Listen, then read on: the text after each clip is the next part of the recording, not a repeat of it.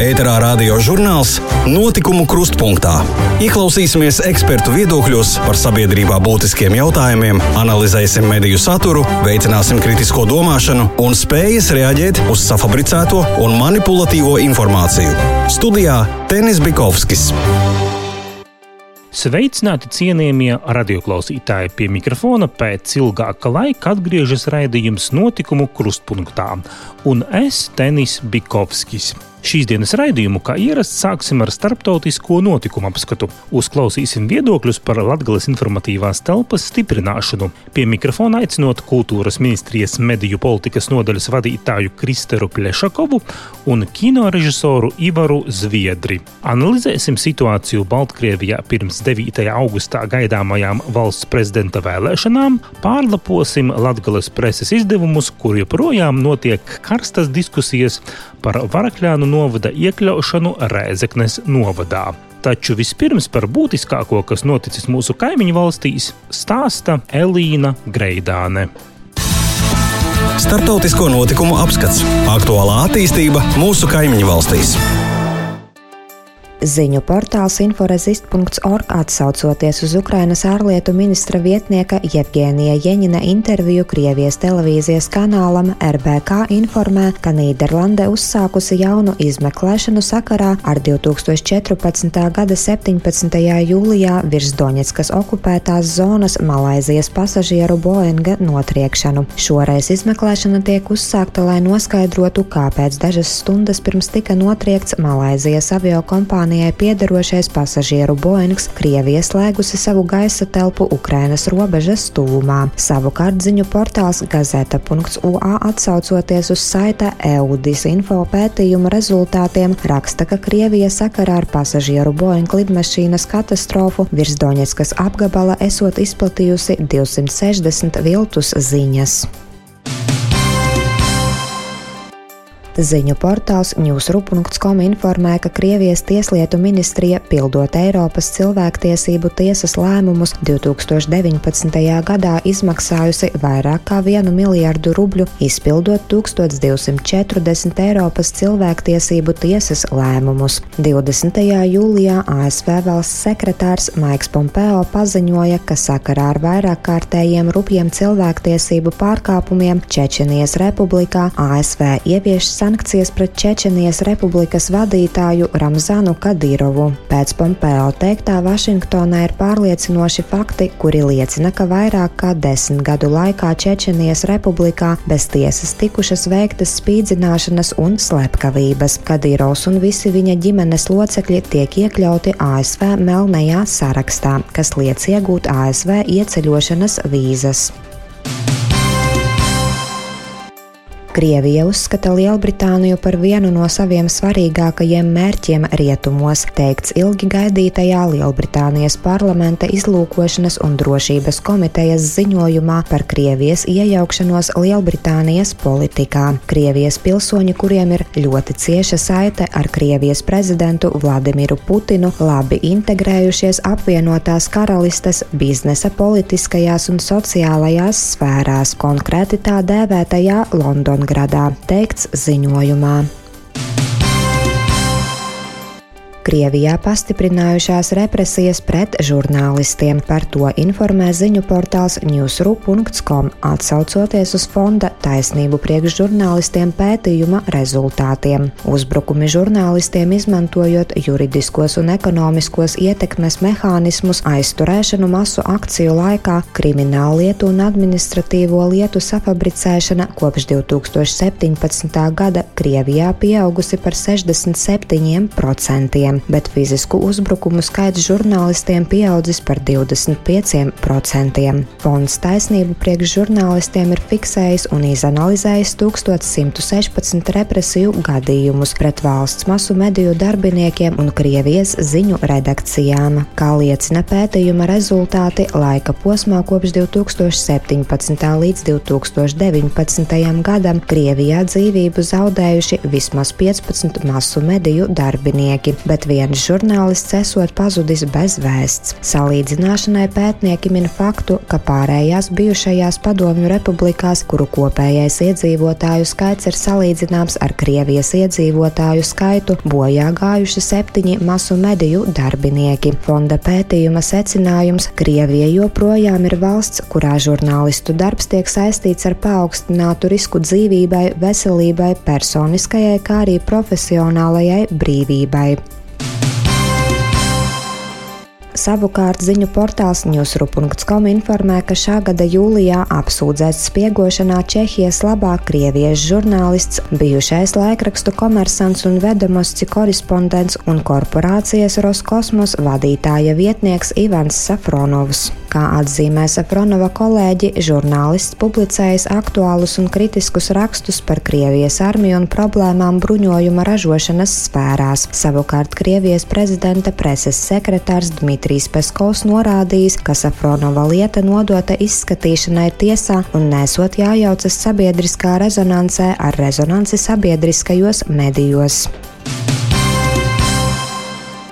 Tallinas lidostā otrdien ieradās teju 170 viesstrādnieki no Ukrainas, ziņo portāls LSM.CLV. Sagaidāms, ka igauņu darba devēji šos cilvēkus nodarbinās dažādās jomās, tajā skaitā lopkopībā un dārzkopībā. Starp Igauniju un Ukrainu šobrīd nav regulāru avio reisu, tādēļ reiss ar viesstrādniekiem no Ukrainas ticis speciāli organizēts. Igaunijas lauksēmniecības un tirzniecības palātas valdes priekšsēdētājs priekšsēdētājs Romets Sormus uzsvēra, ka ļoti būtiska ir visu veselības prasību ievērošana Ukraiņiem ierodoties Igaunijā.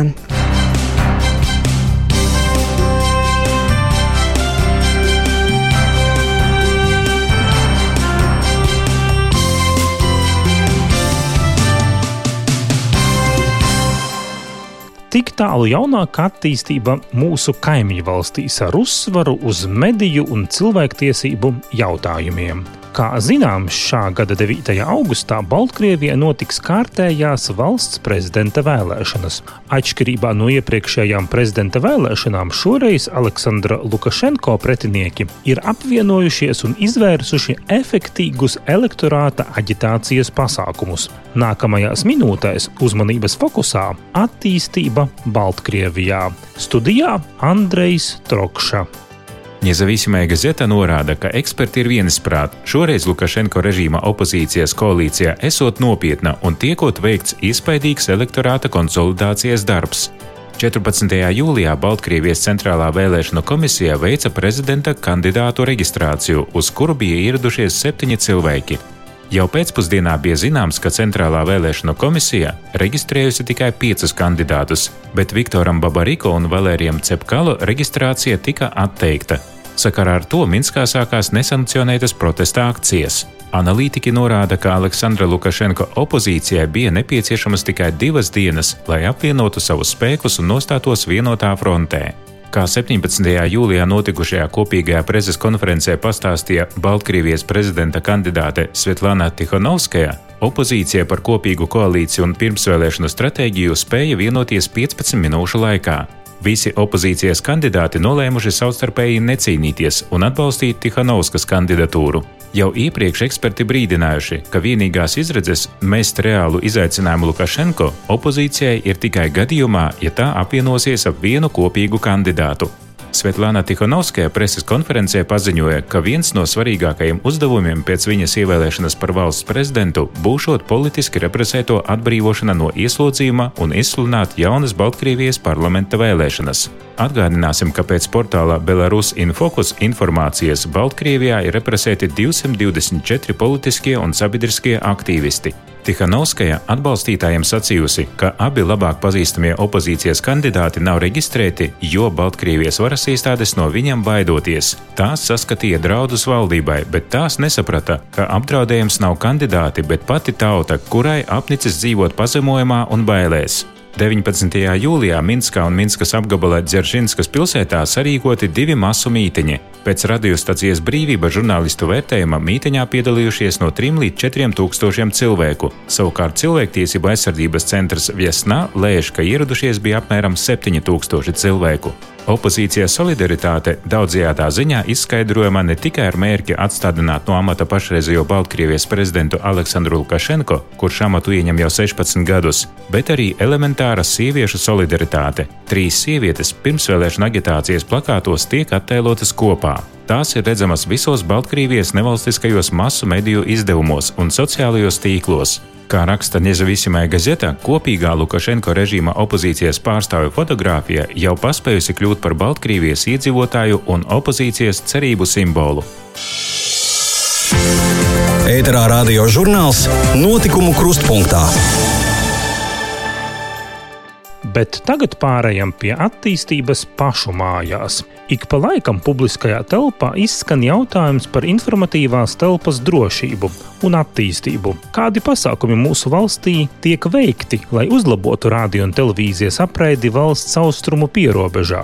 Jau 2017. gada janvārī piešķirtā finansējuma ietvaros tika palielināta LR1 programmas un LR3 programmas raidītāju jauda Daugopilī. Nodrošināta LR1 programmas raidīšana Mālē un Piedrujā, kā arī LR2 programmas raidīšana Dagdā, veikti abu programmu uztveršanas uzlabojumi Viļakā.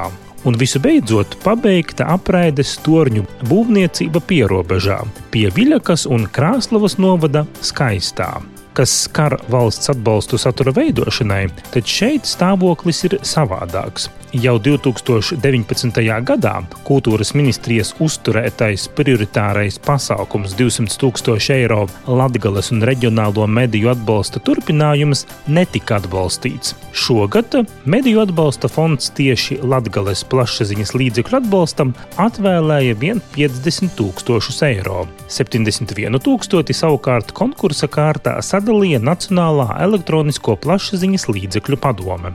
Atklāts paliek jautājums tieši par atbalstu satura veidošanai latviešu valodā, jo trauksmes zvanu par nepieciešamo finansējumu jau zvana arī vienīgais interneta portāls latviešu valodā lakuga.lv.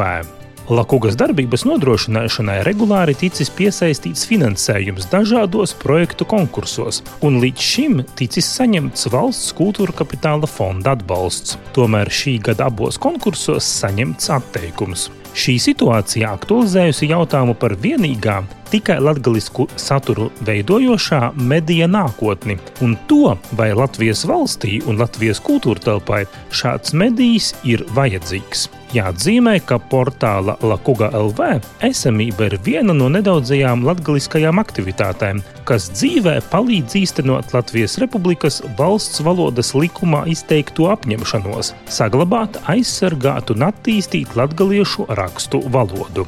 Šajā kontekstā uzplaiksnījusi arī doma, ka latviešu valodā būtu nepieciešams portāls, kas nodrošinātu publisku diskusiju par sabiedriski politiskiem un ekonomiskiem jautājumiem un neieslīgtu šaurā kultūra vides atspoguļošanā tālajoši raugoties, pastāv iespēja izveidot atsevišķu Latvijas radio latgales programmu latgaliešu valodā, jo Latvijas radio 5 programmas apraidē piešķirtās frekvences Rēzekne un Daugopilī varētu tikt nodotas latgales studijas vajadzībām. Ar šādu priekšlikumu jau 2017. gada 25. maijā biedrība Latgulas saima septiņu latgales sabiedrisku organizāciju vārdā atklātā vēstulē vērsās pie Nacionālās elektroniskās Publisko plašsaziņas līdzekļu padomes. Bet mēs esam devušies uz kultūras ministriju, lai iztaujātu mediju politikas nodaļas vadītāju Kristeru Plešakovu par valsts atbalstu Latvijas informatīvās telpas stiprināšanai. Vispirms jau par minēto samazinājumu Latvijas mediju atbalstam. Visi šie jautājumi atduras pret, pret valsts budžeta iespējām. Attiecīgi šim mērķim, acīm redzot, kādā gadā ir bijusi lielāka, lielāka prioritāte, un tam ir eh, piešķirta papildu finanšu līdzekļi. Un, attiecīgi, turpmākajos gados ir, ir bijis samazinājums.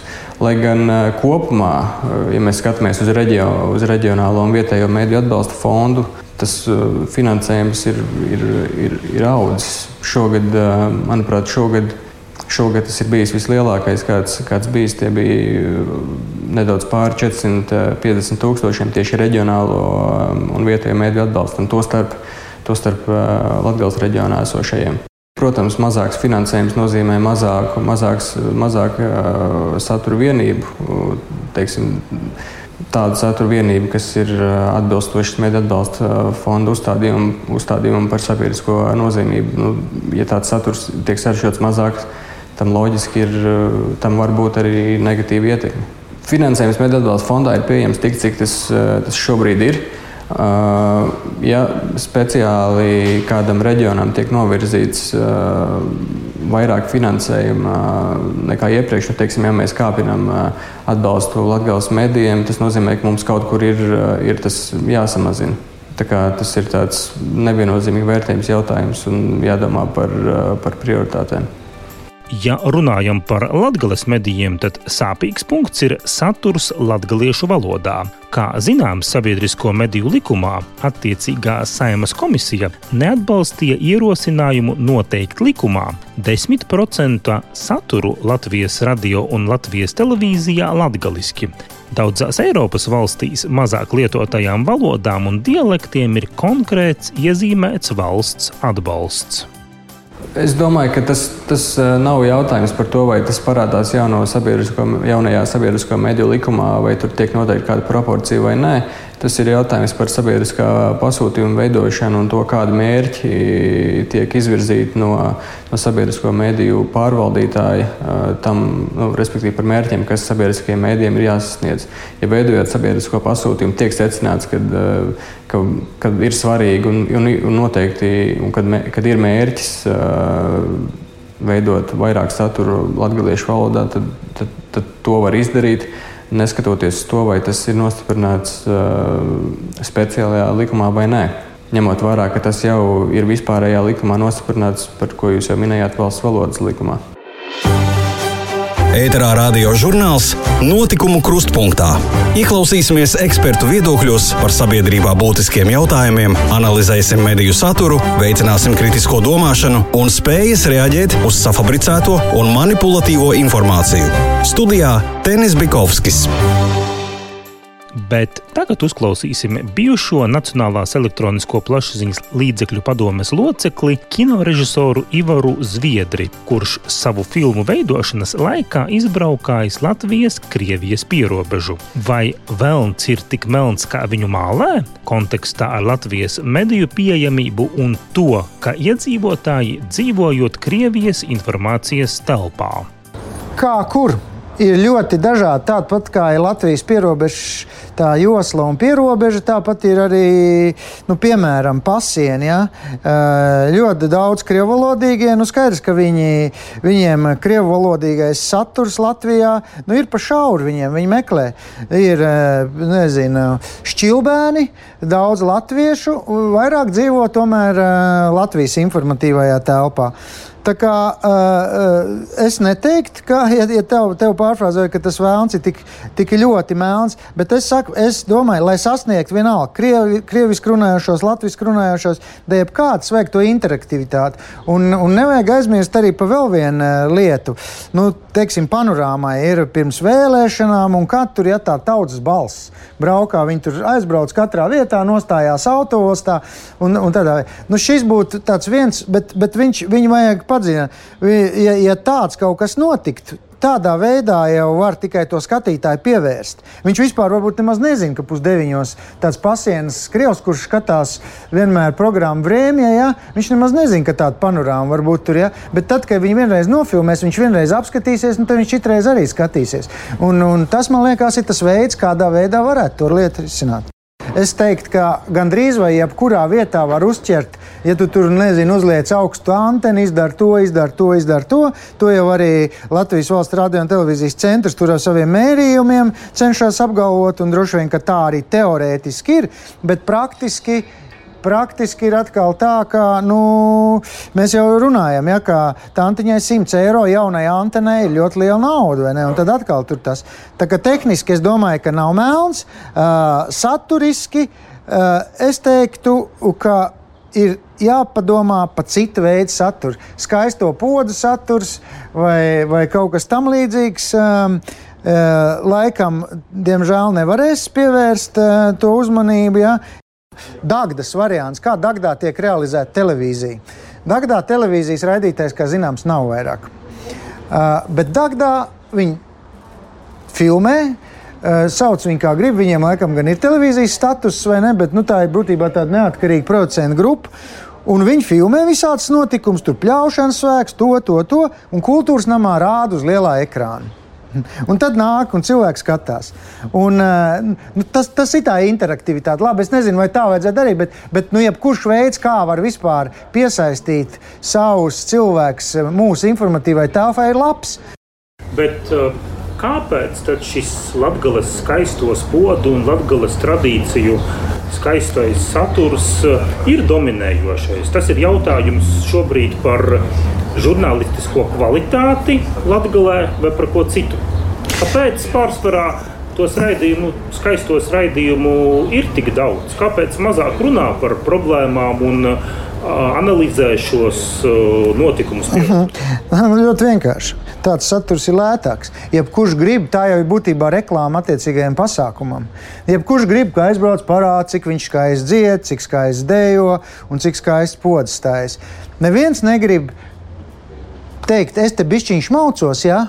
es te bišķiņu nemaksāju tos nodokļus, es te bišķiņu kaut ko tā, es te bišķiņu kaut ko šitā. Nu, tāpēc ir. Nu, un, un, un otrs, nu, nē, nu, tas jau arī nav slikti, ka viņi ir tādi raidījumi. Ja? Tie jau arī vajadzīgi un, un, un, un tā, bet, bet viņi vienkārši ir, manuprāt, ir viņi pa daudz. Ja? Un, un, un tāpēc cilvēki jau arī bišķiņi attēdušies. Nu, piemēram, viens, viens arī tagad piemērs, es esmu mazliet citā vienā projektā, kur uh, iet runa par kino projektoriem, profesionāliem uh, kino rādīšanas projektoriem, kura, kuri tir, tika nopirkti dziesmu svēku rādīšanai, nu, tā lai visi cilvēki varētu arī redzēt dziesmu svēks vienalga reizeknē. Ja?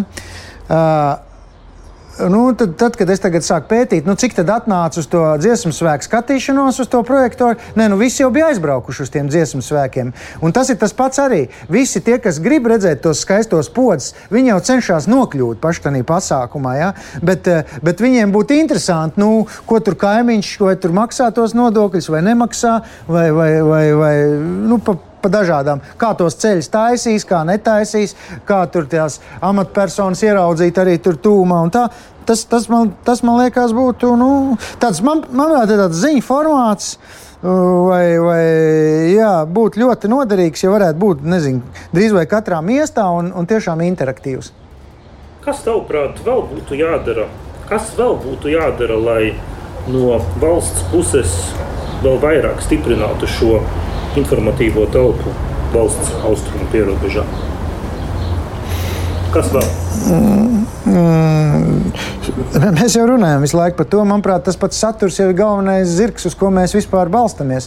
Nu, cits jau neko. Uh, jāatrod nekonvencionālāk veidi. Nu, protams, uh, sociālajie tīkli, bet tur jau atkal ir mazliet savādāk. Nu, veci cilvēki bieži vien uh, ar to nenod. Nu, viņiem, viņiem interneti ir uz jums. Ja? Un, uh, un, un tāpēc ir jāatrod nekonvencionālāk veidi. Tad, tad es nu, kaut vai pastieties. Uh, uh, upītē, vai arī tādā pašā rādīja savu valkātāju, tādā pašā liepnā, kur uh, bija vietējais liepnis džeks. Uh, un, un bija tur stāsts par to, kā viņš tur sēž cietumā, kā viņš vēl tos vietnamiešus pār. Ziniet, cik bija 120 cilvēki bija kinozālē Liepnā.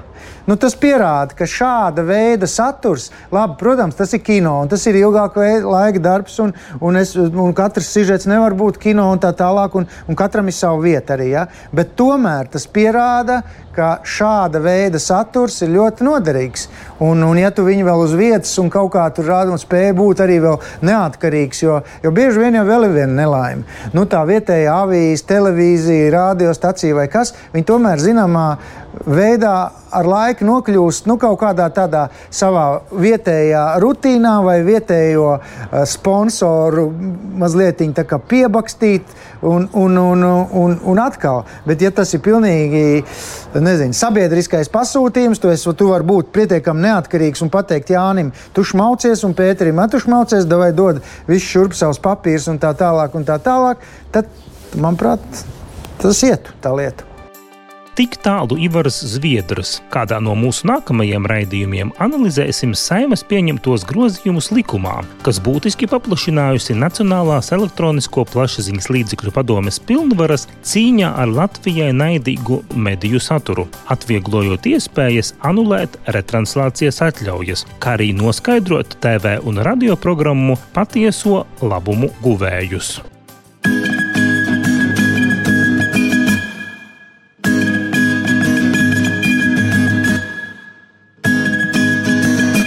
Pirmīs pazemūst, pirms motis spīna, kas pirmīs ceļu zinnis blokus čīmu, kas pirmīs bāzā īkarētu jaunu, kas pirmīs īkvālināja dzīvošanu, amodinājos, cilvēks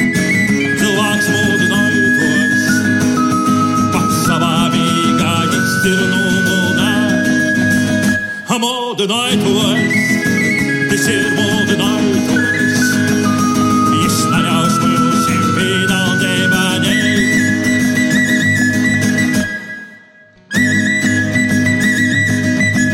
Kas pirmīs paķūst, lai nāgu, kas pirmīs akmeņi no ceļa novēl, kas pirmīs plaukstai liek pie zemes kārtīs šeinu pīskoriņā nosāst. Amodinājos, cilvēks modinājos, pats savā mīgā izsir no modā. Amodinājos, es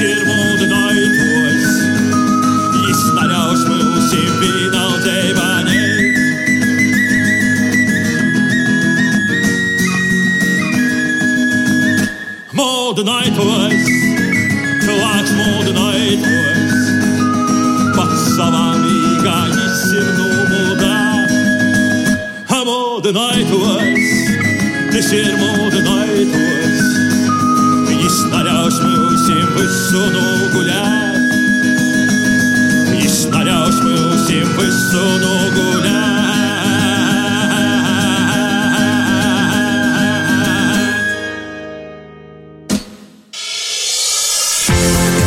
Ēterā radio žurnāls Notikumu krustpunktā.